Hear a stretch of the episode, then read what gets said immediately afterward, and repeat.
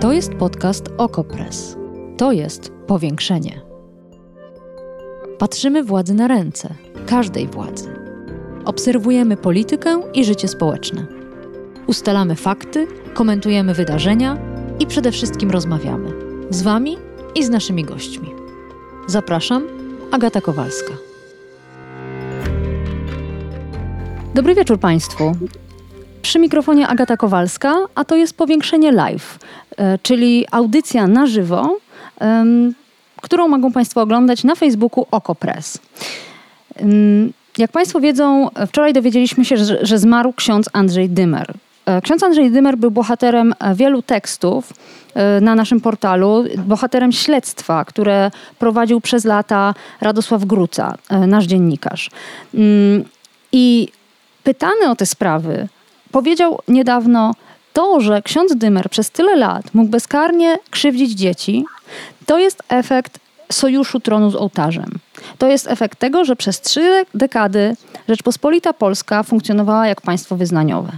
I ciekawy dopisek do tego, do tego podsumowania e, dzisiaj e, stworzył Jarosław Gowin, który napisał na Twitterze, że od lat wiedział o Dymerze, zgłosił to jego przełożonym, nie uzyskał efektu i tak sprawę zostawił.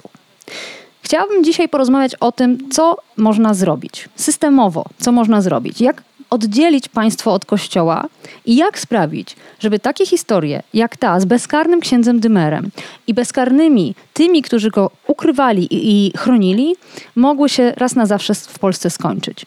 Są w Polsce ugrupowania polityczne, które przedstawiły konkretny plan, konkretne rozwiązania, które mają prowadzić do oddziału, rozdziału Kościoła od państwa. Z nimi właśnie chciałabym dzisiaj porozmawiać. Zapraszam Państwa na to powiększenie. Zapraszam Państwa też do komentowania, do py zadawania pytań. Wszystkie je mm, będę śledzić w sekcji komentarze na Facebooku i przekazywać naszym gościom. A są nimi pani posłanka Katarzyna Lubnauer z Nowoczesnej. Dzień dobry pani poseł. Dzień dobry Państwu. Pani posłanka Joanna Szojring-Wielgus z klubu Lewicy. Dzień dobry, witam Państwa.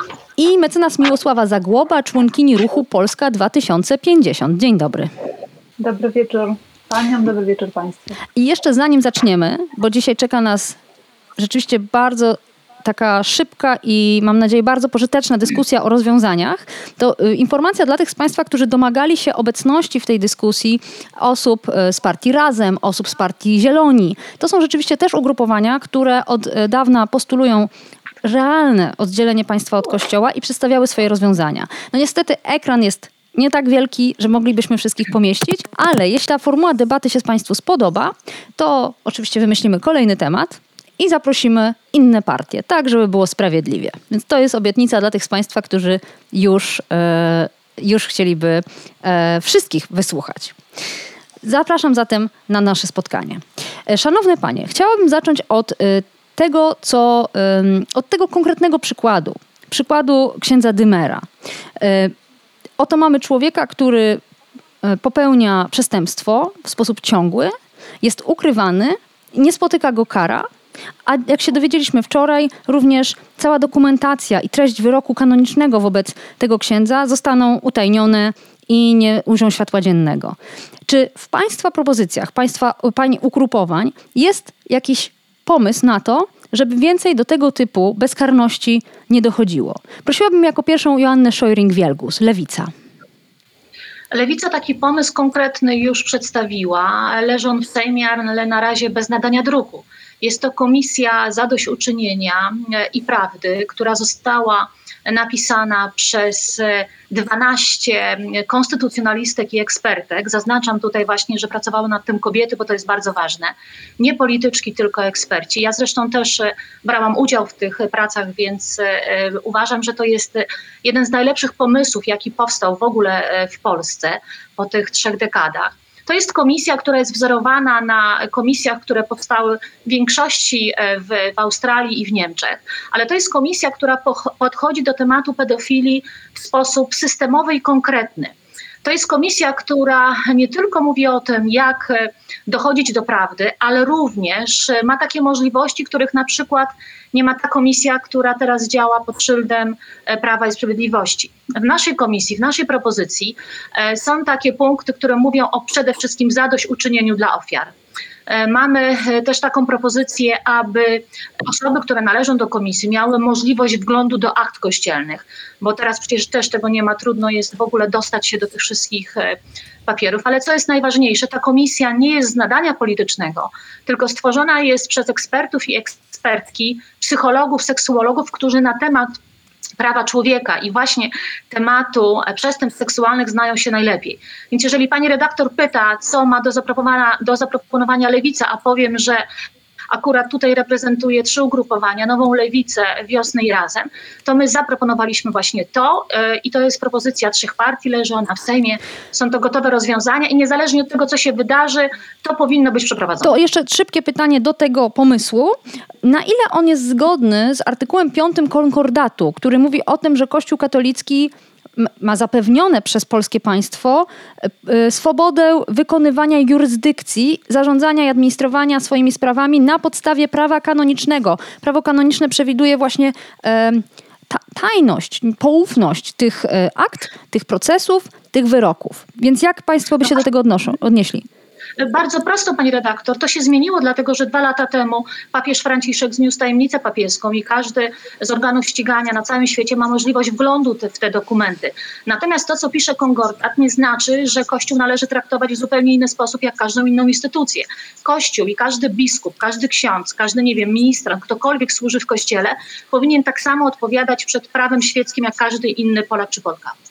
Y, dziękuję za tą wypowiedź krótką i bardzo y, konkretną. Miłosława Zagłoba, y, Polska 2050. Państwo też proponują powołanie specjalnego zespołu śledczego. Trochę inny pomysł. Proszę o konkrety.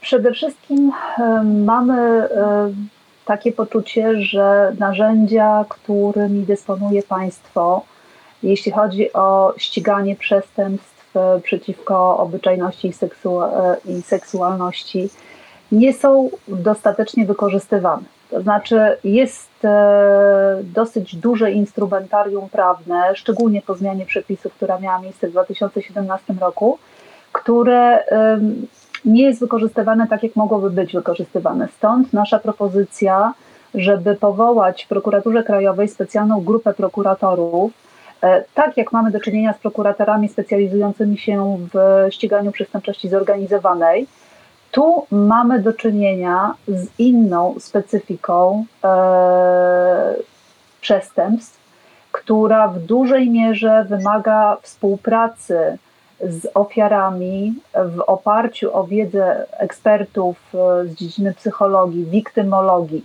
Są bardzo trudne postępowania, ponieważ bardzo wiele lat ofiarom zajmuje po pierwsze um, przyznanie się przed samymi sobą do tego, że e, padli ofiarą przestępstwa, że e, należy coś z tym zrobić, e, zwalczenie w sobie obawy przed reakcją otoczenia bliższego i dalszego, przed upublicznianiem takiej sprawy. I wydaje nam się, że e, państwo, które ma e, skutecznie chronić swoich obywateli, powinno E, wdrożyć bardziej e, specjalistyczne narzędzia e, do Ale zwalczania tego typu przestępczości. Zastanawiam się, dlaczego nie taki, taka komisja, jaką proponuje na przykład Lewica, bo przytoczę słowa krytyki, które opublikował Daniel Flis na portalu Okopres. Daniel Flis również śledzący sprawy księdza Dymera i wszelkiego rodzaju afer w kościele. Napisał tak, trudno uwierzyć, na Państwa pomysł powołania specjalnego zespołu śledczego przy prokuraturze, żeby ci sami prokuratorzy, którzy jeszcze niedawno udostępniali kurii materiały z postępowania przygotowawczego, odmawiali wszczęcia śledztwa przeciwko biskupom, teraz mieli odwagę wystąpić przeciwko nim. A ja dodam jeszcze, trudno uwierzyć, że ofiary mogłyby im zaufać. Co pani na to? Po pierwsze, e, po pierwsze, nie mówimy o tych samych prokuratorach. Tak? Dobór prokuratorów do tego zespołu powinna poprzedzić naprawdę gruntowna analiza kompetencji prokuratorów, ich doświadczenia w prowadzeniu tego typu spraw. Nie jest tajemnicą e, dla prawników, że sprawy z zakresu przestępstw natury seksualnej, znęcania się. To są sprawy bardzo trudne. Nikt nie kwapi się do zajmowania takimi sprawami, w związku z czym naprawdę wyłonienie grupy fachowców jest szalenie istotne i takiej grupy, która będzie otwarta na współpracę z ekspertami w dziedzinie psychologii. Mhm, tak. Natomiast dotychczasowe komisje działające w Polsce w jakimkolwiek obszarze, powoływane przez parlament, nie pokazały jakiejś szczególnej skuteczności, to znaczy ich działalność nie doprowadziła e, przynajmniej w takim zakresie. A może Pani powiedzieć jeszcze szybciutko dlaczego? To znaczy czym się różniły? Dlaczego nie były tak sprawne, jak podejrzewa Pani, że byłby sprawny zespół prokuratorów? Przede wszystkim prokuratorzy mają wprost narzędzia, które przewiduje kodeks postępowania karnego, ustawa o prokuraturze. To są ludzie, którzy dysponują realnymi narzędziami mhm. działania. Komisja siłą rzeczy będzie musiała sobie w pewien sposób wywalczyć, e, ustalić tryb działania, stworzyć go zupełnie e, z niczego. Czy to będzie komisja, e, o której mówi pani poseł Szojring-Wielgus, czy to będzie komisja rządowa, która jak wiemy nie spełnia kompletnie oczekiwań, które można było w niej pokładać. Natomiast prokurator to jest ten urząd, od którego my jako obywatele mhm. mamy prawo wymagać skuteczności. Na to są konkretne przepisy. Jasne, dziękuję bardzo. Pani Maria pisze, że państwo ma narzędzia, ma prawo, tylko musi zacząć je stosować. Ciekawa jestem, co na to wszystko Katarzyna Lubnauer, Nowoczesna. Oczywiście chyba nikt nie ma wątpliwości, że nic nie zadziała tak długo, jak władze państwowe mają taki parasol ochronny nad y, Kościołem katolickim, a Kościół katolicki nie zamierza nic zrobić z pedofilią. Przede wszystkim według mnie te archiwa powinny być dostępne e, i jawne dla wszystkich ofiar dla tych osób, które są tam zmiankowane, dlatego że te ofiary powinny mieć możliwość e, uzyskania odszkodowania, starania się o to odszkodowanie i uzyskanie. I w tym znaczeniu komisja być może jest potrzebna z tego powodu, ale komisja niezależna, ekspercka, komisja, która ma możliwość wpływania na działania prokuratury w znaczeniu mobilizowania, w znaczeniu wymagania, w znaczeniu kontrolowania, ale również składająca się z ekspertów, ponieważ mam wrażenie, że jest taka niechęć prokuratury do zajmowania się tymi sprawami. Przecież y, jeżeli ja słyszę tutaj wypowiedź, ja tej nie słyszałam, nie zanotowałam tej wypowiedzi pana e, ministra Gowina. Ja przypomnę, że pan minister Gowin w poprzedniej, poprzednim rozdaniu był ministrem sprawiedliwości. W związku z tym, jeżeli minister sprawiedliwości mówi, że właściwie on dziś to zgłaszał, zgłaszał czy do kościoła, czy gdzieś. Nie no, zgłaszał bezpośrednim no ja przełożonym, zgłaszał bezpośrednim przełożonym księdza Dymera lata temu i przez lata nikt nic nie zrobił i dzisiaj Jarosław Gowin to ujawnił, jak rozumiem, próbując pokazać, że sam coś zrobił. No, y, tym samym jednak przyznał, że wiedział i nie powiedział. Ja przypomnę, że ten rząd prowadził zasadę, że prokuratorem generalnym jest minister sprawiedliwości. W związku z tym, co więcej, że ma pełną możliwość nadzoru nad każdym śledztwem, ma możliwość przenoszenia z miejsca na miejsce. W związku z tym, no powiedzmy szczerze, że jeżeli ktoś jest w rządzie, gdzie prokuratorem generalnym jest minister sprawiedliwości, no to ma pełne narzędzia do tego, żeby wymóc nie tylko poprzez Kościół działanie, bo ja, ja nie chcę nic od Kościoła, powiem tak. Ja chcę wszystko od państwa. Dla mnie rozdział Kościoła od państwa polega na tym, że to działają instytucje państwa, że nie Kościół ma się samo czyścić, tylko państwo ma stworzyć e, przy pomocy instytucji takie warunki, w których ludzie, którzy popełnili przestępstwa, będą ścigani. I nie będzie miało znaczenia, czy oni są e, księżmi e, i w związku z tym mają protektorat Kościoła, czy oni wypełniają inne zawody e, w Polsce. I w tym znaczeniu dla mnie to jest rola dla organów śledczych, dla prokuratury, dla organów państwa. I żeby to zrobić, to po prostu trzeba zdjąć parasol, który obecnie trzyma, trzymają rządzący z nad kościoła. Mm. Jeżeli go zdejmiemy, to nie ma żadnych przeszkód prawnych, żeby państwo zaczęło mm. działać. Jedno jeszcze zdanie y, od y, pani y, mecenas Zagłoby i następny temat. Ale ja też bym chciała. Aha, oczywiście. Dobrze. Mecenas Zagłoba, myślę, zaraz potem posłanka Schering-Wielgus. Myślę, że, myślę że, rozwa- że rozwiązania, o których wszystkie mówimy, w żadnej mierze się nie wykluczają. E, działalność tego typu komisji złożonych z ekspertów jest szalenie potrzebna. Ona się na, w różnych miejscach na świecie sprawdziła.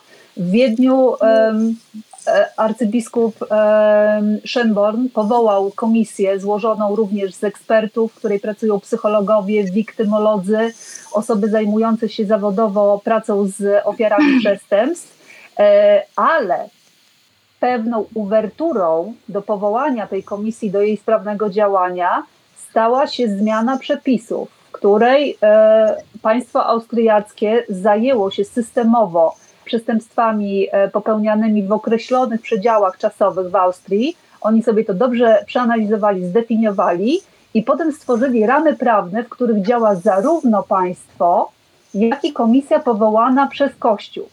E, myślę, że tak jak pani poseł Lubnauer mówi, my przede wszystkim musimy oczekiwać skuteczności od państwa. I tu pełna zgoda. Obywatele, ofiary, obywatele, osoby duchowne, które popełniają te przestępstwa, to wszystko są obywatele poddani władzy państwa polskiego i prawu polskiemu. I tego powinniśmy przede wszystkim no, żądać. Jeśli chodzi o prawa jeśli chodzi o po, Kościół w Polsce, to y, biskup Polak próbuje coś robić i jest ponoć najbardziej znienawidzoną osobą y, w łonie Kościoła, więc to tyle chyba, jeśli chodzi o samooczyszczanie. Jeszcze posłanka Szojring-Wielgus i przechodzimy do kolejnego tematu, dlatego że słusznie któryś y, z panów zwrócił uwagę, że rozdział państwa od Kościoła to nie jest tylko problem molestowania i gwałtów na dzieciach i to jest prawda, panie Andrzeju, i zaraz dlatego porozmawiamy o innych kwestiach. Pani posłanko. Ja tylko chciałam jedno zdanie dodać, ponieważ akurat e, wśród pani gościń jestem chyba jedyną, która e, ma tak szeroką wiedzę na temat e, komisji pedofilskich. I ten projekt, który my przedstawiliśmy, jest właśnie na podstawie tych komisji, które powstały i również w dyskusji z osobami, które te komisje powoływały w swoich krajach. I naszym obowiązkiem, uważam, jest wykorzystanie dobrych praktyk, tych krajów, które już takie komisje przeprowadziły. I mówię o tym dlatego, ponieważ tworzenie, to co pani mecenas przed chwilą proponowała, jakiejś kolejnej komórki w prokuraturze nie jest dobrym pomysłem. To musi być organ niezależny, powołany zupełnie niezależnie, bo tylko wtedy oczywiście. Ale przez kogo? Pani posłanko, niezależny jest wtedy, kiedy jest powołany przez kogo? Przez środowiska eksperckie, które się tematem A kto wybiera ekspertów? Pani poseł, zawsze konie, zawsze... Bardzo, pani redaktor, jest ich bardzo dużo, jest mnóstwo organizacji, które zajmują się tym od lat i w ten sposób powoływały to wszystkie komisje, które powstawały w innych krajach. Ale zgodzi się pani, że decyzje, koniec, pani posłanko, zgodzi się pani, że skład komisji tego typu, koniec końców, muszą przyjąć politycy. Bo to Ale oni... oczywiście, tylko, no właśnie. tylko kluczowe jest to, kto ich tam powołuje i kto zgłasza. A powinni to zgłaszać ludzie, którzy nie są politykami. Dwie rzeczy. Mamy oczywiście mechanizmy w naszym prawie. Mamy artykuł 18 w kodeksie, w kodeksie karnym i na, na podstawie tego powinny wszystkie osoby, które wiedzą o przestępstwach seksualnych, na przykład pan Gowin, powinien złożyć takie zawiadomienie w 2008 roku. Jest oczywiście od 2017 roku artykuł 240 kodeksu karnego, który każe nam wszystkim zgłaszać takie e, kwestie. Ale mógł to zrobić i bez nakazu, to jest prawda. Nie ma oczywiście tej współpracy. Jasne. Jeszcze tylko jedno zadanie dla, dla pani tutaj. Nie, powiedzmy że powinien to zgłosić organom ścigania Kościołowi. Oczywiście.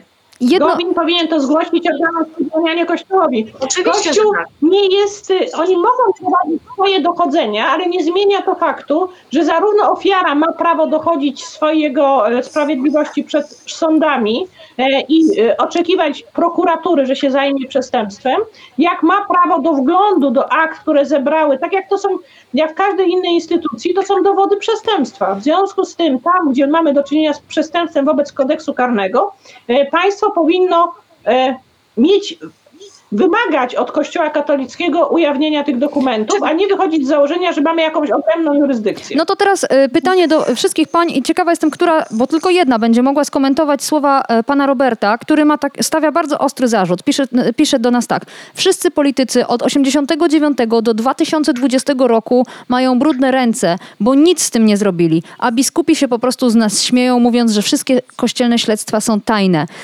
Pol, do, w Polsce do każdej parafii powinien wejść prokurator i skonfiskować dokumenty, a nie y, opowie, jakieś opowieści, tu komentuje pan Robert, o komisjach. Dlaczego y, ktoś, kto gwałci dziecko, dostaje jeszcze, lub to ukrywa, dostaje jeszcze prawo, by powołać specjalną komisję, a y, nie staje przed sądem. Więc czy któraś pań mogłaby Robertowi, panu Robertowi odpowiedzieć?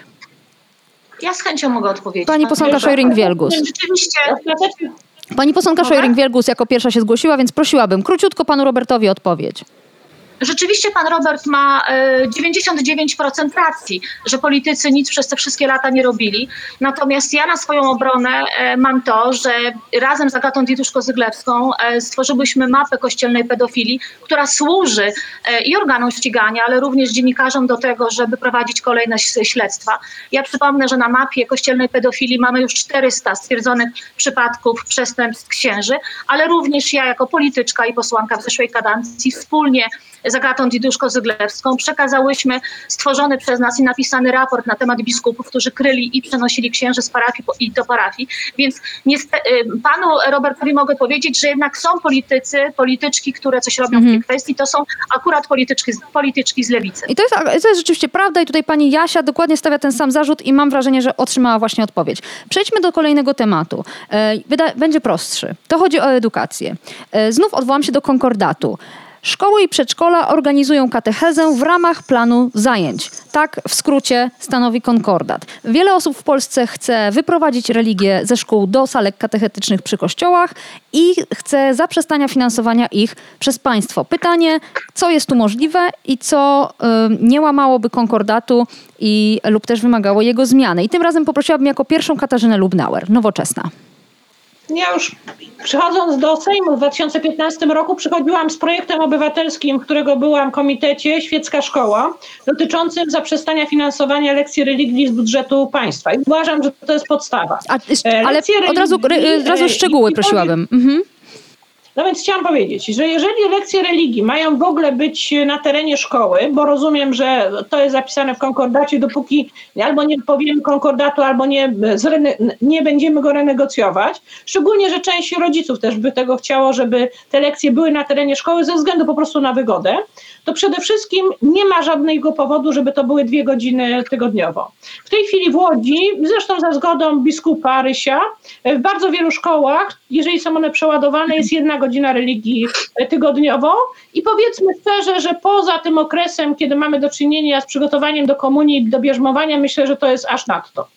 Więc tak, po pierwsze uważam, że powinna być zmniejszona liczba godzin religii. Wtedy ułatwi to e, drugi warunek, że ona powinna być przed albo po lekcjach. Czyli żeby to wyraźnie oddzielić te lekcje, które są podstawowymi lekcjami e, wiedzy dla uczniów, a lekcje religii, która powinna nie zmuszać dzieci, które na religię nie chodzą, do tego, żeby w tym czasie siedziały w szkole, żeby siedziały na przykład na korytarzu szkolnym lub w A co z pieniędzmi? Szkolnej. Po drugie, ocena więc ja mówię. Mhm. Po drugie, finansowanie e, nie powinny być finansowane z budżetu państwa. My jesteśmy zwolennikami tego, żeby wprowadzić e, podatek, odpis podatkowy dla osób, które deklarują się jako osoby wierzące, żeby mogły przy pomocy systemu podatkowego łożyć na wybraną przez siebie wspólnotę kościelną i żeby z tych środków mogli albo finansować religię w szkole, albo to, żeby zastąpiło fundusz kościelny.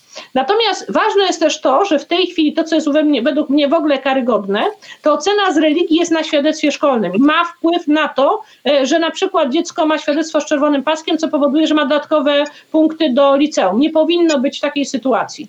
W ogóle według mnie, o ile w szkole podstawowej ta religia jeszcze można ją uzasadnić względami wygody rodziców, o tyle w szkole średniej w ogóle nie ma żadnego uzasadnienia. Szczególnie w czasach, kiedy mamy przeładowane licea, Uważamy, i tak było w naszej projekcie ustawy, że przede wszystkim e, uczniowie szkół e, ponadpodstawowych samodzielnie decydują o tym, czy uczęszczają, czy nie mhm. na lekcje religii.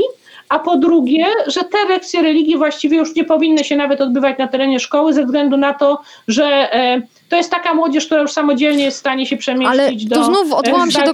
Jasne, dziękuję, y, dziękuję za te trzy punkty. Jednak Konkordat jasno stwierdza, że chodzi o szkoły podstawowe i ponadpodstawowe, więc teraz przerzucam piłeczkę konkordatową. Dlatego mówię, mhm. minimum to jest to, że zmniejszamy liczbę godzin do jednej, jest to po albo przed lekcjami, nie jest finansowane z budżetu państwa, tylko z środków, które wpłacają wierni w postaci odpisu podatkowego i ocena absolutnie nie liczy się do średniej, a katecheci nie są członkami członkami Rady Pedagogicznej. Y, przerzucam piłeczkę konkordatową do Jany Szojring-Wielgus, bo Lewica, gdy szła do wyborów, y, napisała w swoim programie wycofamy religię ze szkół, a zaoszczędzone w ten sposób pieniądze przekażemy na dodatkowe lekcje języka angielskiego. Brzmi świetnie, no ale nad nami wisi konkordat, więc y, jaki tu jest konkretnie plan? Joanna Szojring-Wielgus. Tak, ja się, ten nasz postulat się nie zmienił i będziemy dążyli do tego, żeby ten postulat został zrealizowany. Nawet lada moment ukaże się nasza ustawa, która mówi o tym, żeby religię wycofać ze szkół, a pieniądze przeznaczyć na inny, lepszy cel, inne lekcje. Ale złamać umowę z Watykanem? E, I teraz, jeżeli chodzi o konkordat, z konkordat oczywiście um, osobiście chciałabym, żeby konkordat został um, wycofany. Nie jest to technicznie takie łatwe, ale jest to do zrobienia. Pamiętajmy, że jest to umowa międzynarodowa i da się to zrobić. Oczywiście trzeba mieć tam trzy czwarte głosów, później przekazać to prezydentowi i tak dalej, więc jest to do zrobienia. Natomiast na pewno trzeba e, doprowadzić do sytuacji takiej, że konkordat, że będziemy rozliczać e, e, rządzących z tego, jak konkordat jest przeprowadzany, bo doskonale wiemy, że niektóre punkty, a właśnie na przykład ten punkt związany z lekcją religii, czy na przykład z dofinansowaniem szkół katolickich jest łamany. Czyli, a w konkordacie też oczywiście nie jest napisane, Ale co to znaczy, że jest powinien łamany? Być finansowane, jest łamany Aha. w konkordacie, mamy napisane, że, że są poszczególne, mają być finansowane poszczególne uniwersytety, a wiemy, że kasa idzie na kolejne y, uniwersytety, więc jest to niezgodne z konkordatem. Mhm. Ale wrócę do tego. E, oczywiście nie powinna być religia finansowana również z budżetu państwa, na to też się nie zgadzamy i też taką ustawę mamy już prawie przygotowaną, one też będą przez lewicę zgłaszane. Więc my tutaj jesteśmy konsekwentni w swoim działaniu i będziemy dążyli dążyli do Mhm. tego, żeby właśnie tak było. Ja chciałam jeszcze dodać jedną rzecz, że Katarzyna, umowa z Watykanem jest też elementem konstytucji, umowa z Kościołem katolickim, w związku z tym oczywiście to wypowiedzenie konkordatu jest dość skomplikowane. To rozwiązanie, które my proponujemy, nie wymaga wypowiedzenia konkordatu, a jednocześnie e, daje dwie rzeczy. Z jednej strony szkoła staje się bardziej świecka, ponieważ e, e, zajęcia z religii stają się zajęciami dodatkowymi, które nie wpływają na te dzieci, które nie chcą uczestniczyć w nich i na tych rodziców, którzy nie chcą swoich dzieci posyłać na tą religię. E, A po drugie, dają równe szanse wszystkim, no bo mówię, ocena z religii na przykład nie jest na świadectwie szkolnym. A po drugie, zmniejszają koszty z punktu widzenia budżetu państwa, czyli rzeczywiście mamy około półtora miliarda złotych rocznie, które możemy przeznaczyć na inne cele edukacyjne. O, tak, teraz słychać panią mecenas. Bardzo się cieszę, że pani do nas wróciła. Prosiłabym zatem o kilka słów na temat państwa pomysłu, jeśli chodzi o katechezę w szkołach i przedszkolach. Tak, zaczęłam e, swoją wypowiedź od tego, że my nie używaliśmy sformułowań e, laicyzacja państwa. To, to, to nie jest kierunek, e, w którym chcieliśmy z tymi rekomendacjami po- podążać. Rozdział i uporządkowanie relacji pomiędzy państwem i kościołem to jest, e, to jest to, jak my nazywamy. Ale to muszę pani przerwać, bo ja rzeczywiście użyłam tego pojęcia. Czy to znaczy, że państwo nie uważają, że w tym momencie Polska jest państwem wyznaniowym? Nie, Pol- Polska w dalszym ciągu jest państwem opartym o konstytucję yy, i my Polskę uważamy za państwo demokratyczne w stanie zagrożenia yy, naszych podstawowych yy, praw i wolności, ale uważamy, że jednak jesteśmy państwem świeckim. Mhm. Mamy uregulowane w artykule 25 relacje pomiędzy państwem i kościołem, tak jak wspomniała pani poseł Lubnauer. Nie jest to być może optymalny stan regulacji i jeśli pojawiłby się tak zwany moment konstytucyjny, czyli możliwość zmiany, być może warto byłoby się zastanowić nad e, e, bardziej klarownym zapisem e, dotyczącym rozdziału państwa Pani mecenas, to muszę zapytać, bo przedstawili jest- Państwo 60-stronicowy program zmiany relacji między państw, państwem a Kościołem. To w takim razie jak... Upo, ach, uporządkowania. No dobrze, to jak nazwać obecny stan, skoro Pani twierdzi, że nie jesteśmy państwem wyznaniowym? Dokładnie tak, brakiem, brakiem porządku w tych relacjach. Mhm. Mamy różnego rodzaju akty prawne, konstytucję, która jest nadrzędna, mamy konkordat, mamy deklarację interpretacyjną do konkordatu, która jest e, oświadczeniem rządowym wydanym e, e, w celu doprecyzowania, jak ten konkordat powinien być wykonywany. E, Mamy ustawy poszczególne, mamy też praktykę. No ale tak wygląda system prawa. To nie jest, to nie jest bałagan, to jest po prostu system Oczywiście. prawa. Oczywiście, tylko on odnosi się do relacji państwa i kościoła, więc nie można powiedzieć, że to jest w ogóle kompletnie nieuregulowany obszar. Jest uregulowany lepiej lub gorzej, natomiast my przede wszystkim mamy sytuację, w której te regulacje nie działają z różnych przyczyn. Jeśli chodzi akurat o sferę nauczania religii, to e, mamy rzeczywiście sporo postulatów, zresztą dosyć, e, dosyć spójnych z tym, co mówiła pani e, poseł Lubnauer przed chwilą, dlatego że my również uważamy, że organizacja nauczania religii wymaga gruntownej zmiany. Na pewno wymaga zmiany fakt, że w tej chwili biskup musi wyrazić zgodę na zmniejszenie liczby godzin religii. To nie, to nie powinno po prostu mieć miejsca. Jeśli chodzi o uczestnictwo w, re, w lekcjach religii, to artykuł 12 konkordatu jest sformułowany w taki sposób, że pozostawia jednakowoż spory margines decyzyjności rodzicom. My idziemy krok dalej e, i chcemy, żeby w organizacji nauczania religii w szkołach, jeżeli e, rozmawiamy o, o sytuacji bieżącej, kiedy ta religia w szkołach jest, powinny brać większy udział wspólnoty szkolne, czyli, e, czyli, czyli połączenie grona pedagogicznego, dyrekcji, rodziców i uczniów. Szczególnie w szkołach ponadpodstawowych, gdzie stykamy się absolutnie z, ze świadomą młodzieżą, która rezygnuje z lekcji religii, która chce w ogóle mieć prawo wyboru w tej materii. I my to prawo absolutnie mhm. chcemy wspierać. Do, teraz... chcemy, żeby e, uczniowie po 18 roku życia dopiero mogli podejmować decyzje w tej sprawie. Chcemy obniżyć ten mhm. próg do 16 roku mhm. życia a właściwie tak naprawdę do początku szkoły ponadpodstawowej. To jest taki optymalny moment, skoro wtedy oni. Ale to jest ciekawe, prawda, że e, nauczania. wcześniej można seks uprawiać w Polsce niż wypisać się samemu z lekcji religii. Ale e, mam jedno pytanie. Tu cytat z Państwa programu. Lekcje etyki lub. Yy, tak. filozofii powinny być docelowo obowiązkowe. Rozumiem, że zamiast lekcji religii, bo trochę nie zrozumiałam tego pasusu. Nie, nie, nie mówimy o tym, że zamiast, natomiast e, powinny być niezależne od tego, czy uczniowie uczęszczają na, okay, na teraz jasne. czy nie. Teraz to, jest, jasne. to jest element wszechstronnej edukacji człowieka e, żyjącego e, we współczesnym świecie, który powinien mieć taką dobrą podbudowę e, intelektualną do, do dalszej e, nauki, do dalszej egzystencji, do dalszego życia w społeczeństwie.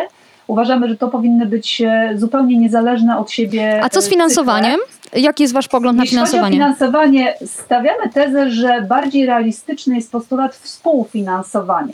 Bo tak naprawdę my się w tej chwili opieramy na szczątkowych danych dotyczących tego, ile środków publicznych jest przeznaczanych na organizację nauczania religii w szkołach. Nie, nie dysponujemy, nikt nie dysponuje pełnymi danymi. Jak to nie? Pani że są pełne Adwocem Joanna Szojring-Wielgus. Ministerstwo nawet Ministerstwo Ale... Edukacji przyznaje, że te dane nie są pełne, dlatego że nie są w stanie wszystkich komponentów uwzględnić. E, nawet sposób ewidencji. Pani, pani poseł, to proszę, no. pozwólmy pani poseł się y, odnieść. Dlaczego nieprawda? No nieprawda jest, no wystarczy, ja mogę, dysponuję analizami sejmowymi prosto z Ministerstwa Edukacji, gdzie mam czarno na białym napisane, jakie to są koszty. Więc to nie jest Ale tak, że samorządy nie ma, twierdzą, że te koszty są wyższe. A to samorządy ma, w dużej mierze ponoszą te koszty. Mówimy o lekcjach religii, finansowaniu lekcji religii i etatów dla katechetów i katechetek. I mhm. takie dane są, ja takie dane posiadam, są one dostępne publicznie. To jest fragment, to dotyczy wynagrodzeń. A gdzie pani ma pozostałe koszty, które ponosi szkoła w związku szczególnie szczególnie teraz ze zmienionym cyklem nauczania, z tym przeładowanym programem, z faktem, że szkoły muszą zupełnie inaczej zorganizować fizycznie swoją aktywność. No tak, ale to już jest, to już jest, to już jest pewien y, kontekst, prawda? To jest pewne otoczenie. Ale też to trzeba brać pod uwagę, dlatego mówimy o współfinansowaniu przez wspólnoty religijne, znaczy przez związki wyznaniowe i kościoły Ponieważ A dlaczego pa państwo ma jak... jest w dużej mierze również obciążenie dla budżetu samorządu. A dlaczego państwo i samorząd mają finansować e, zajęcia z katechezy? Mamy zobowiązanie. No ja Pozwólmy skończyć pani mecenas i zaraz potem. Pani poseł, tylko pozwólmy skończyć pani mecenas. Jeszcze to pytanie, dlaczego państwo ma e, płacić lub samorząd na lekcje katechezy? W tym systemie, który obecnie funkcjonuje w oparciu o konkordat, w oparciu o ustawę, y, mamy taki. Nie, ale konkordat nie zmusza, y, nie zmusza szkół do płacenia. Nie zmusza państwa do płacenia. No właśnie. Natomiast nie jest to precyzyjnie uregulowane, więc sformułowanie, że państwo y, umożliwia organizację, de facto pociąga za sobą skutki finansowe i zamiast, e, znaczy nie, nie doprowadziliśmy do tego, żeby to było jednoznacznie określone w przepisach. Ja to rozumiem, ale na tym polega rola polityków, ustawodawcy, żeby pewne rzeczy zmieniać. Więc rozumiem, że Państwo w ogóle popierają taki koncept, że państwo współfinansuje zajęcia z religii, bo, bo, bo jak nie, no to można to po prostu uciąć. Nie mamy zobowiązania w konkordacie czarno na białym. Tylko, że praktyka, dopóki religia znajduje się w szkołach, to praktyka jest taka, że część tych kosztów, czy to będą koszty wprost e, ponoszone przez państwo, czy to będą koszty ukryte, będą ponoszone ze środków publicznych. No tak, z ale- racji samego faktu, że te zajęcia będą się odbywały Jo, y, teraz y, Katarzyna Lubnauer długo czekała cierpliwie, proszę się odnieść, a później jeszcze Joanna Szojring-Wielgus, bo widzę, że też rwie się do głosu.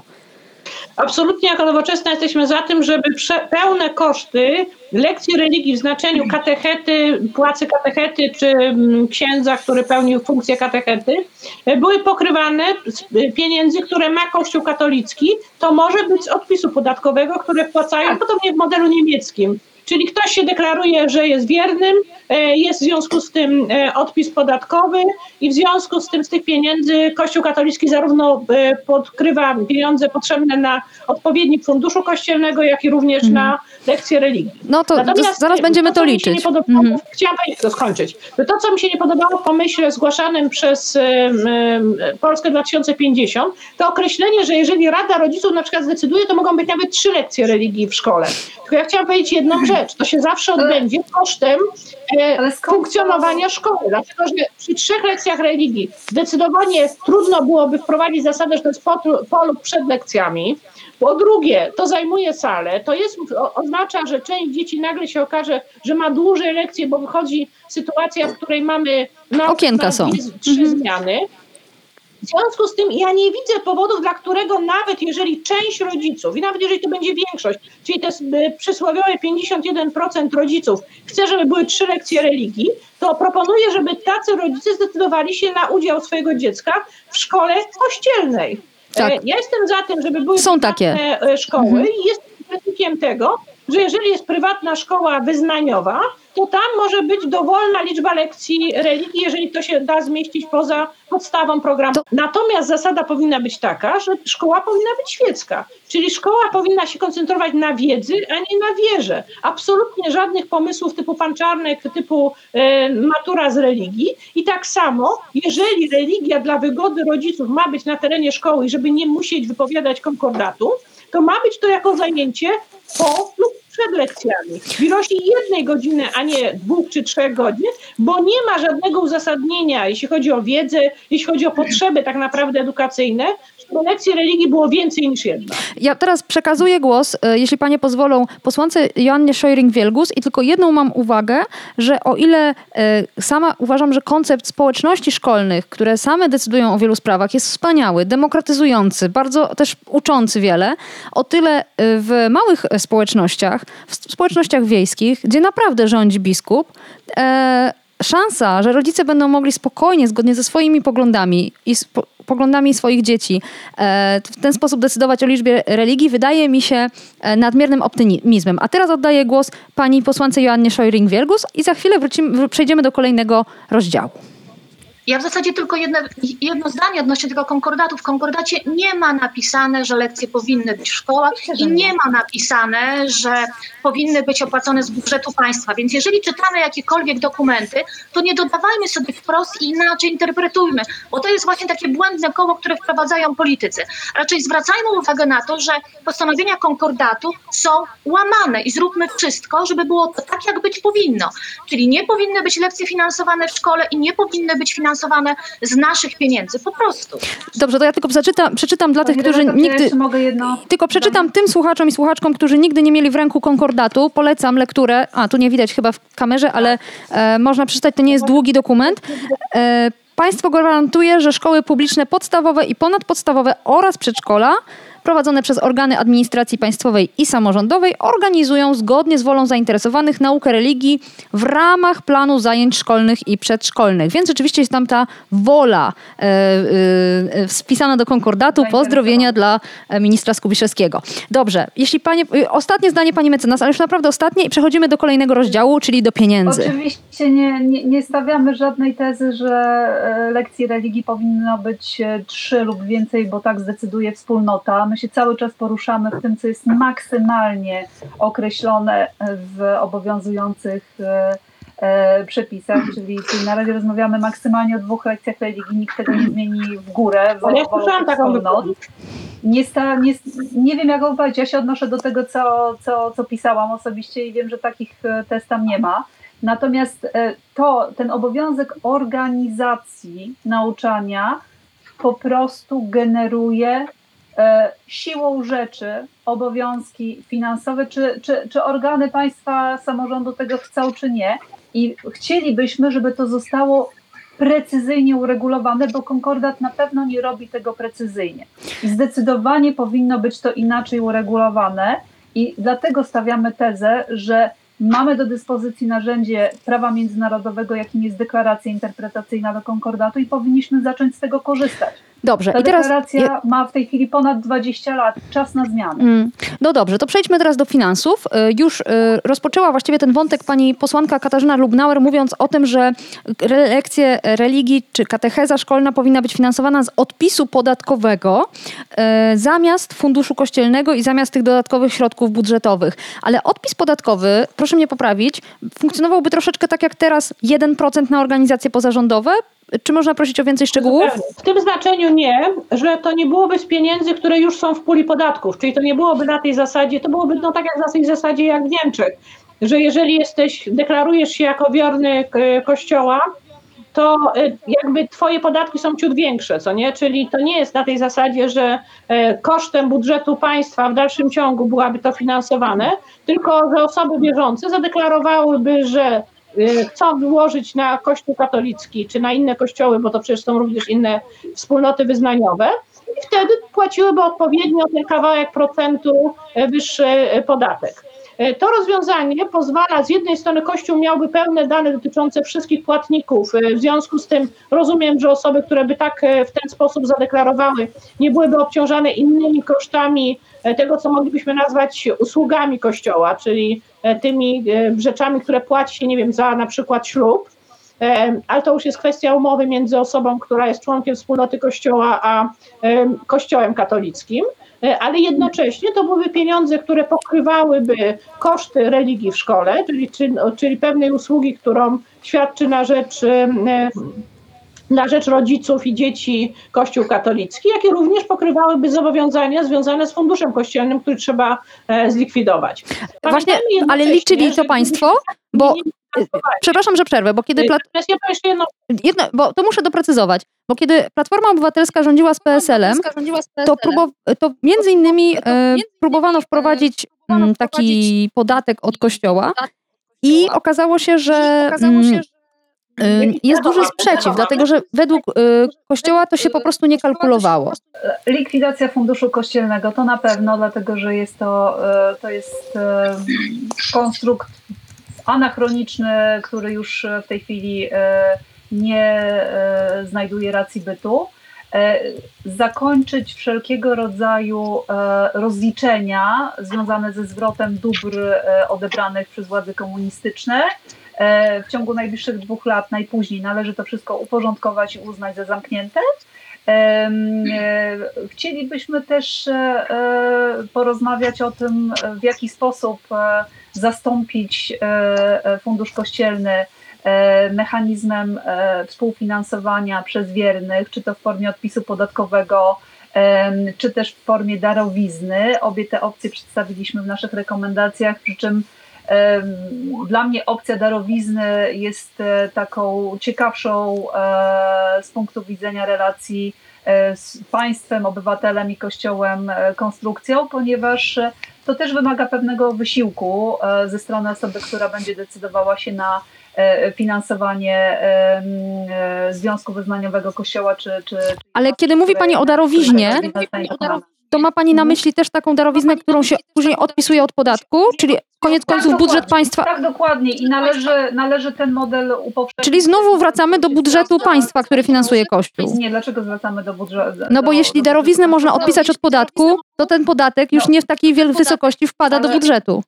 Ale nie ma za bardzo innych narzędzi w tej chwili w naszym systemie prawa, któ- którymi moglibyśmy operować. Albo będzie to bezpośrednie finansowanie, któremu wszyscy jesteśmy e, e, przeciwni, e, szczególnie w takiej formule, w jakiej ono dotychczas miało miejsce, albo będzie to finansowanie jednakowoż ze świadomym udziałem obywateli, którzy będą. Ja nie, ja nie widzę uzasadnienia, dla którego obywatele dokonujący darowizn na rzecz organizacji pożytku publicznego mogliby korzystać z odpisu, a ci, którzy dokonywaliby darowizn na cele kultu religijnego, nie. No ja widzę, ja widzę, mogę? Ja widzę. Na 60 stronach wypisali Państwo wszystkie zyski, jakie Kościół zdobył przez trzy ostatnie dekady, nieskończone ilości e, pieniędzy, nieruchomości, ziemi, e, różnego rodzaju bonifikat. To chyba już wystarczy. Ale czy oni chcą swoją wspólnotę religijną w jakikolwiek sposób finansować? Mogą, na tacę. W lepszej sytuacji niż obywatele na, na zachodzie Europy. A, czyli e, nie być lepszy niż darowizna, którą trzeba zgłosić do Urzędu Skarbowego, to przyznam szczerze, że... To ważna uwaga, ale no właśnie, odliczana od podatku. żeby to było w jakiś sposób uregulowane, tak żeby obywatele mieli możliwość skorzystania z takiego narzędzia, ale też żeby Kościół musiał o to pozabiegać bezpośrednio sytuacji na cmentarzach, ponieważ absolutnie nie może dochodzić do takich patologicznych zjawisk, do jakich dochodzi z pochówkiem na cmentarzach, jeżeli szczególnie w gminie jest to na przykład jedyny cmentarz, e, do którego mm. ludzie mają dostęp. Ustawa o cmentarzach pochodzi z 1959 roku. Pomimo nowelizacji ona dalej nie spełnia potrzeb i oczekiwań i absolutnie kwestia regulacji cen pochówków e, na cmentarzach, które w danej gminie są jedynymi cmentarzami, powinna być uregulowana na poziomie ustawowym i powinno to być jasne i klarowne e, regulacje, o które mhm. będą też się mogły oprzeć jednostki samorządu terytorialnego. Teraz, y, to, bo to są już kolejne szczegóły, ja bym chciała jednak, żebyśmy zmierzały do, do ujęcia ram, bo tutaj już cmentarze to, to jest rzeczywiście y, drobiazg w porównaniu z tymi y, milionami i miliardami, które idą do kościoła. Chwil, kilka komentarzy ze strony naszych słuchaczek i słuchaczy. Pani Agnieszka, y, podatek kościelny w Niemczech wynosi 8 do 9% e, dochodów brutto obowiązuje każdego, kto deklaruje przynależność do Kościoła katolickiego. Fundusz kościelny to nie wszystko, pisze kolejna osoba. Politycy nieustannie pchają nasze pieniądze do kościoła, nie pytając nikogo o zdanie. E, kolejna osoba, niechaj osoby deklarujące przynależność do kościoła same pokrywają wszelkie koszty związane z jego utrzymaniem oraz płatność za lekcje religii i posługi e, kapelanów w różnych instytucjach i tak dalej, i tak dalej. Mamy pełno takich e, głosów. Teraz kieruję pytanie do pani Joanny Szojring-Wielgus. Jak Lewica chciałaby te stosunki finansowe państwo-kościół zorganizować? Więc przede wszystkim pocieszę panią mecenas. Leży właśnie w Sejmie ustawa o cmentarzach, nowelizacja ustawy stworzona przez Lewicę, w której te wszystkie sprawy są uregulowane.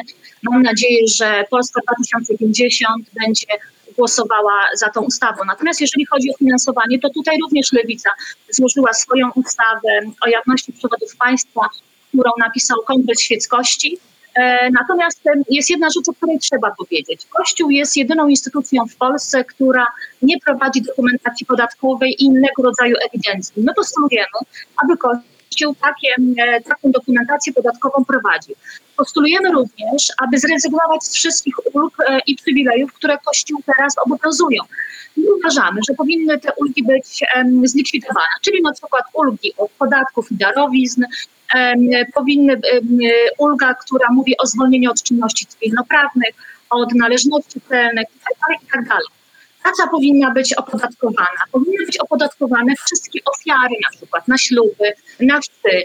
To nie może być tak, że Kościół po prostu bierze multum pieniędzy, a nie daje podatku do państwa. Więc w tej ustawie, którą przedstawiliśmy, te wszystkie kwestie są. Oczywiście e, uważamy też, że fundusz kościelny powinien być zlikwidowany i te pieniądze powinny też być przeznaczone, przeznaczone na inne cele. Więc nasze lewica jako jedyne ugrupowania, ugrupowanie te, e, te postulaty zawarła w swojej ustawie i mam nadzieję, że jak w końcu zostanie nadany numer druku, to te dwie ustawy będą również popierane zarówno przez nowoczesną, jak i przez Ale jest jeden problem i na to zwrócił uwagę Daniel Flis, nasz dziennikarz w Okopres, kiedy analizował ten duży program ruchu Polska 2050.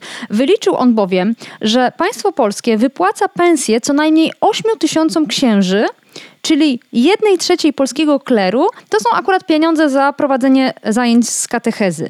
Natomiast na co zwrócił uwagę nasz dziennikarz? Że jeśli państwo polskie przestanie wypłacać im te pieniądze, to ci ludzie po prostu znikną. To nie jest tak, że utrzymają się z czegoś innego. I teraz wracam już nie do lekcji religii w szkołach, której pewnie nie powinno tam w ogóle być, tylko do zwykłej posługi na miejscu E, w momencie, kiedy ten ksiądz nie będzie mógł dorobić sobie na życie z tych e, lekcji religii, Daniel Flis konkluduje, liczba kleryków spadłaby drastycznie. Co wtedy z tymi wszystkimi ludźmi, którzy potrzebują księdza, potrzebują kościoła, potrzebują mszy? Pani poseł. Która ja? No tak, cały czas, bo lewica chce zabrać wszystkie pieniądze kościołowi. Mówię. Pani redaktor, Kościół jest jedną z naj, najbardziej bogatych instytucji w Polsce. Oczywiście nie rozmawiamy teraz o nieruchomościach i gruntach, które są e, dawane za bezcen Kościołowi Kościołowi. I to nie jest tak, że to są tylko nieruchomości, które zostały dane Kościołowi z Komisji Majątkowej, tylko ten e, przypadek trwa cały czas nagminnie i e, Kościół się bogaci.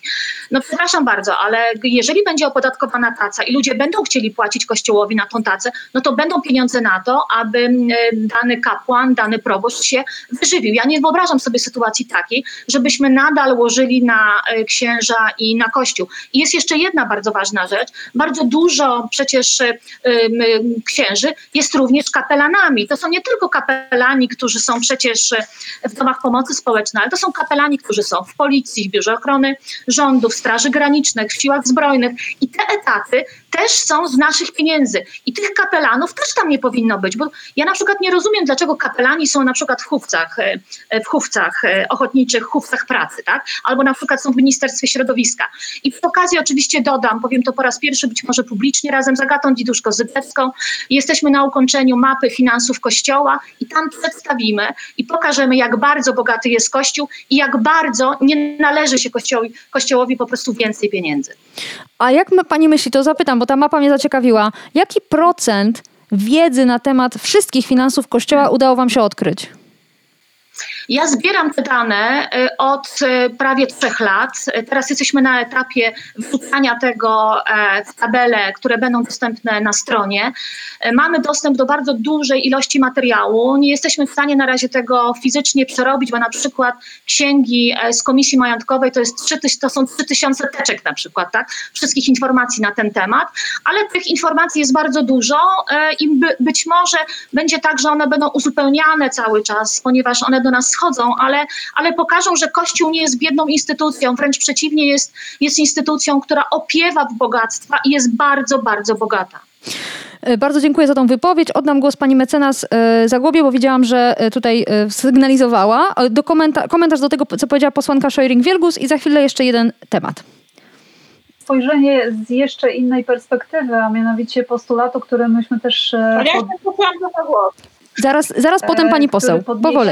E, podnieśliśmy jeszcze taki postulat, że powinny zostać prześwietlone przepływy finansowe pomiędzy instytucjami państwa a e, Kościołem. E, chcielibyśmy, żeby taki raport sporządziła Najwyższa Izba Kontroli, bo wydaje nam się to najskuteczniejszym mechanizmem dotarcia, przynajmniej po stronie państwa, do tych bardzo rozproszonych informacji, bo my tak naprawdę tego pełnego obrazu nie posiadamy. E, to są lata e, zaniedbań w tej dziedzinie, braku przejrzystości i nam zależałoby bardzo na tym, żeby taki raport powstał. Wydaje nam się, że NIK jest e, najbardziej sprawną instytucją w tym zakresie, która mogłaby się pokusić o taki raport. Pytania badawcze musiałyby być bardzo dobrze skonstruowane i te obszary musiałyby być dobrze nazwane i zdefiniowane, ale myślę, że to jest wykonalne. I taki raport nam jako obywatelom się po prostu należy. My musimy wiedzieć, jak te, jak te przepływy się kształtowały. No tu pełna zgoda. Ciekawe, kto będzie szybszy, NIK czy y, team Scheuring-Wielgus-Diduszko. Dobrze, przekazuję głos jeszcze pani posłance y, Katarzynie Lubnauer, która w tej samej kwestii, a potem już naprawdę jeszcze jeden krótki rozdział. Pani poseł. Chciałam do kapelanów. Znaczy, według mnie kapelani mają sens i y, płacenie im przez państwo tylko w tych miejscach, gdzie mamy do czynienia z ludźmi skoszarowanymi. Czyli to jest na przykład więzienie lub to jest, nie wiem, żołnierze na misjach. Nie ma najmniejszego sensu, żeby kapelan był na przykład w administracji skarbowej, a też są, ponieważ ludzie, którzy pracują w administracji skarbowej, mogą korzystać e, z posługi e, duszpasterskiej po prostu w swojej parafii. I podobnie ma sens obecność księdza w szpitalu, tam gdzie rzeczywiście ciężko chory może mieć potrzebę rozmowy z, kości- z księdzem, ale powinien być bardzo jasny wymóg, że osoba taka deklaruje wcześniej, czy chce, żeby ten ksiądz do niej wchodził, czy nie albo jego jej rodzina, jeżeli ona jest w jakiś sposób, nie może zadeklarować w swoim imieniu. Natomiast nie powinno być sytuacji, w której ten ksiądz na przykład w kościele ingeruje w czyjąś przestrzeń kogoś, kto sobie tego zwyczajnie nie życzy. I podobnie mówię, kapelani, którzy są w, polskim, e, w polskich różnych instytucjach, powinni być tylko i wyłącznie w tych instytucjach, gdzie mamy do czynienia z sytuacją, w której nie mogą osoby, które tam przebywają, skorzystać z innej pomocy mhm. duszpasterskiej. Dziękuję pani poseł bardzo. E, dobrze, ostatni temat. Symbolika. Mam wrażenie, że wszystkie ugrupowania w jakiś sposób um, um, krytykują czy czy próbują zmienić tę obecność, symboliczną obecność Kościoła właściwie w każdej sytuacji, e, jaką mamy w naszym kraju, czy to otwieranie e, supermarketu, czy to nowej drogi. E, msze są w, telewizji, w, w szkoły są prowadzone na msze, a w Sejmie wisi krzyż. W jaki sposób uporządkować tę strefę? I od razu utrudnię, pytając, czy to jest kwestia zmiany prawa, czy wyłącznie praktyki, a zatem po prostu zmiany świadomości, na którą nie da się prostą ustawą wpłynąć. I zacznijmy teraz od pani mecenas Zagłoby, a potem obydwie panie posłanki. Przede wszystkim e, jest to kwestia praktyki e, codzienności, dlatego że prawo nie działa w próżni. Jeżeli ta praktyka e, i te przyzwyczajenia będą złe, to, to sama litera prawa tego nie zmieni. Natomiast my absolutnie jesteśmy przeciwni łączeniu ze sobą e, sfery praktyk religijnych i e, e, wszelkiego rodzaju działalności publicznej, uroczystości publicznych. To nie jest, to nie, to, to nie tak powinno przebiegać. I nie, nie, nie kwestionujemy oczywiście prawa osób, które zajmują urzędy do swoich praktyk religijnych, natomiast nie może być tak, że występując w roli przewidzianej, e, czy to w konstytucji, czy w innych przepisach, e, taka praktyka tych osób e, narusza zasadę bezstronności światopoglądowej, którą gwarantuje konstytucja. I, Ale co to znaczy? Bo pani teraz zaczęła mówić jak prawnik, a ja proszę tak bardziej po ludzku, czyli wprowadzić jakąś ustawę? Co to, to żeby powstał taki. Nie, kodeks dobrych praktyk, dlatego że nową, nową ustawą my tego nie załatwimy. Po pierwsze, trzeba ludzi przedstawić sposób myślenia, to o czym Pani wspomniała, czyli w jaki sposób funkcjonariusze publiczni powinni uczestniczyć w, w uroczystościach religijnych. Nie powinny one być łączone e, z wykonywaniem szczególnie urzędu prezydenta e, państwa, czy e, nie powinny mieć miejsca w obrębie Sądu Najwyższego, z tym, z tym też mieliśmy niestety do czynienia. Natomiast w sferze symboliki religijnej bardzo ważne też jest tak zwana e, sfera e, uczuć religijnych i możliwej obrazy tych uczuć religijnych. I tutaj uważamy, że absolutnie należy znowelizować artykuł 196 kodeksu karnego. Po pierwsze, te przestępstwa, jeżeli tak będziemy to klasyfikować, nie powinny być ścigane z urzędu, powinny być przestępstwami skargowymi E, i nie powinny być również karane e, karą e, pozbawienia czy ograniczenia wolności. To nie ten tryb, mhm. to nie tak powinno mhm. wyglądać. I uważamy też, że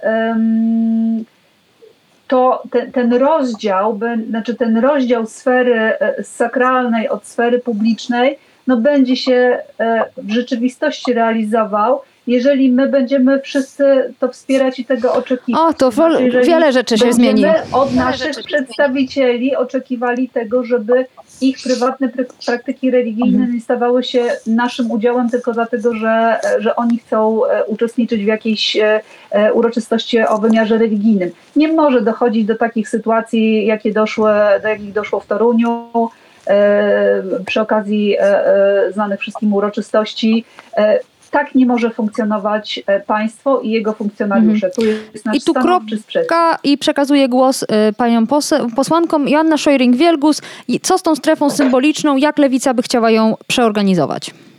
No przede wszystkim nie ma, e, nie ma czasu czekać na oczekiwania tak, i wymagania od kogokolwiek, żeby to się zmieniło, bo rozpasanie w tej kwestii jest w Polsce po prostu wszech, wszechogrom, wszechogromne.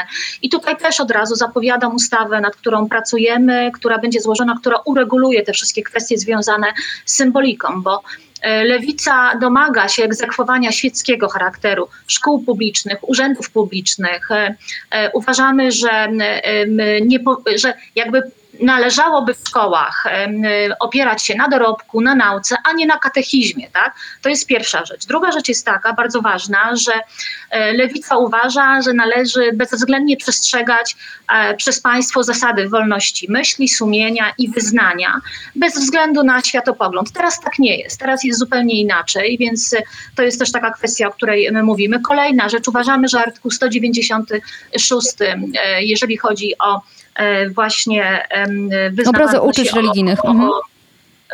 Uważamy, że powinien być zniesiony e, i też coś takiego postulujemy.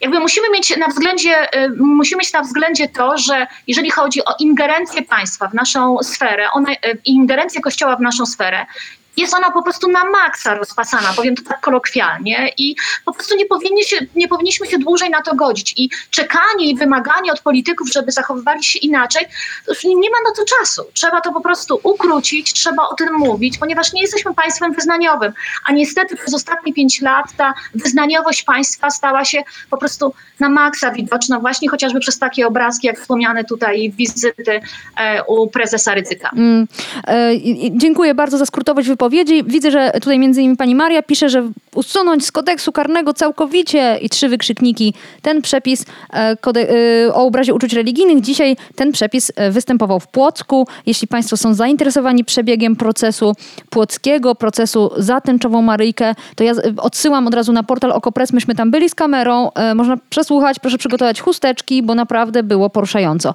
I oddaję głos cierpliwie czekającej Katarzynie Lubnauer. Jak nowoczesna widzi te kwestie symboliczne symboliczne obecności Kościoła y, w, wszędzie, w urzędach, w sklepach i prawie że w lodówce.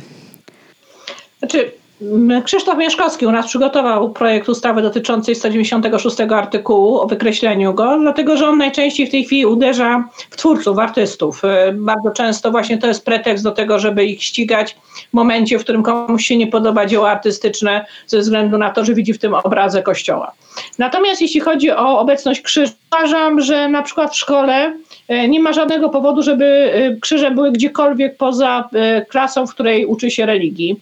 W przypadku urzędów nie powinny być w przestrzeniach wspólnych. Ja nie widzę przeszkód i nie uważam, że należy rozpoczynać jakąkolwiek wojnę religijną, jeżeli, nie wiem, urzędnicy, dwójka, trójka urzędników, którzy wszyscy się czują z tym dobrze, mają powieszony w swoim pokoju krzyż. Natomiast uważam, że we wszystkich przestrzeniach wspólnych tego krzyża po prostu nie powinno być.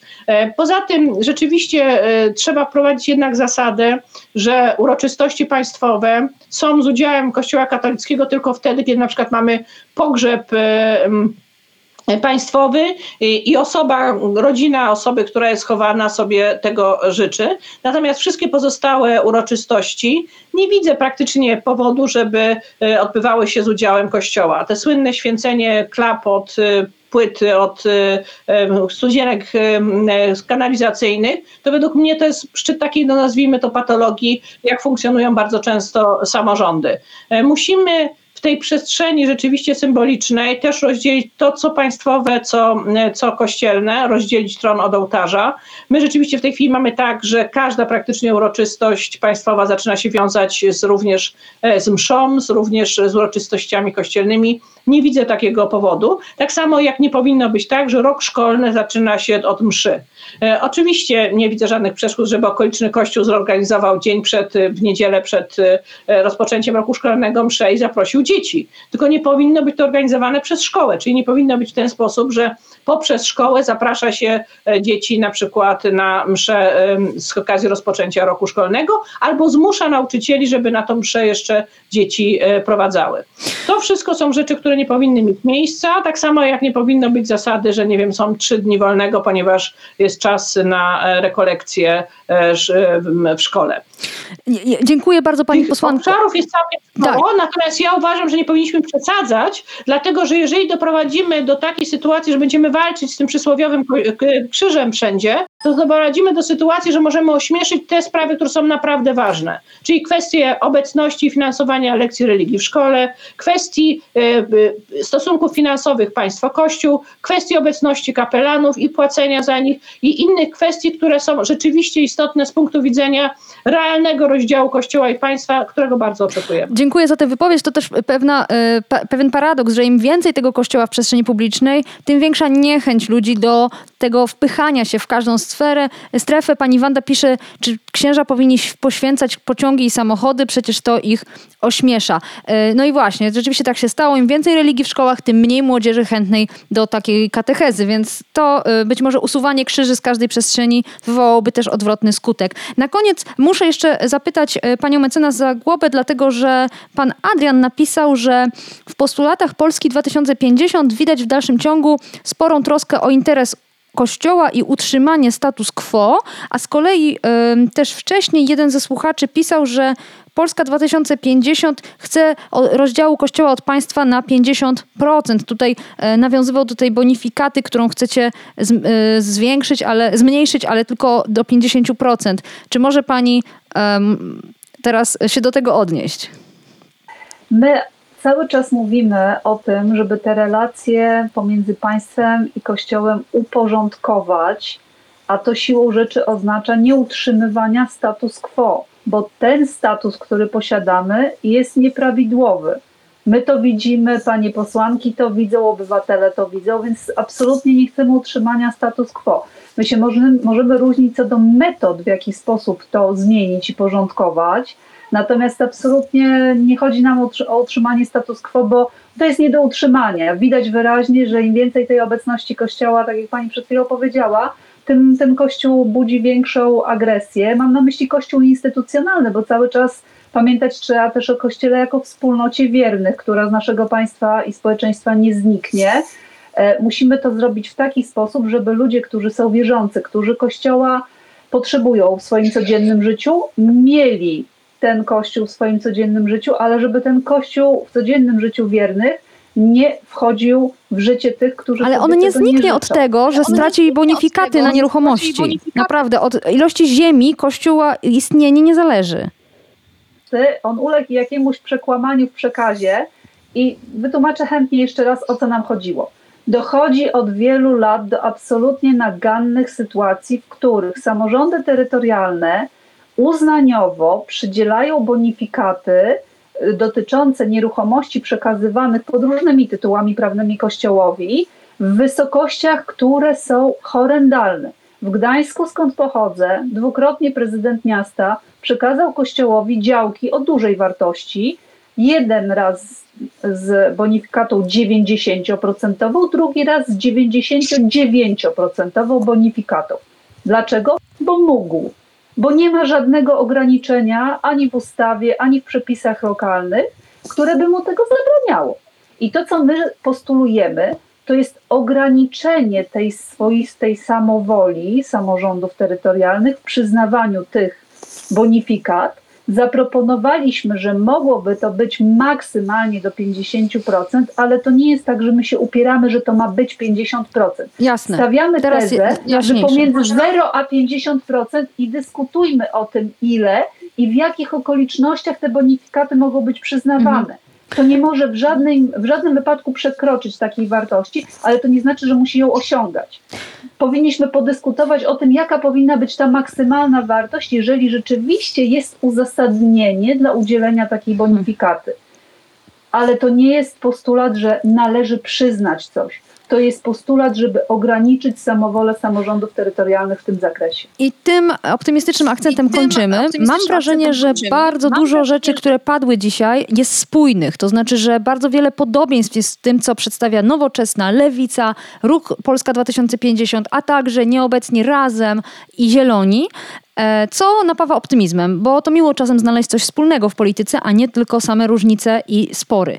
E, bardzo serdecznie dziękuję naszym gościom. Katarzyna Lubnauer e, z Nowoczesnej, Joanna Szojring-Wielgus z Lewicy i pani Miłosława Zagłoba z Ruchu Polska 2050. Jeśli mają Państwo ochotę, żeby taka debata znów się odbyła, no to muszą Państwo wymyślić tematy. Proszę pisać do nas powiększenie małpa okopres albo tu w komentarzach, a my się zgodzimy na taki temat albo nie. Dziękuję paniom ogromnie za to spotkanie, dziękuję słuchaczom i słuchaczkom i do usłyszenia w następną środę o 18. Powiększenie. Podcast Okopres.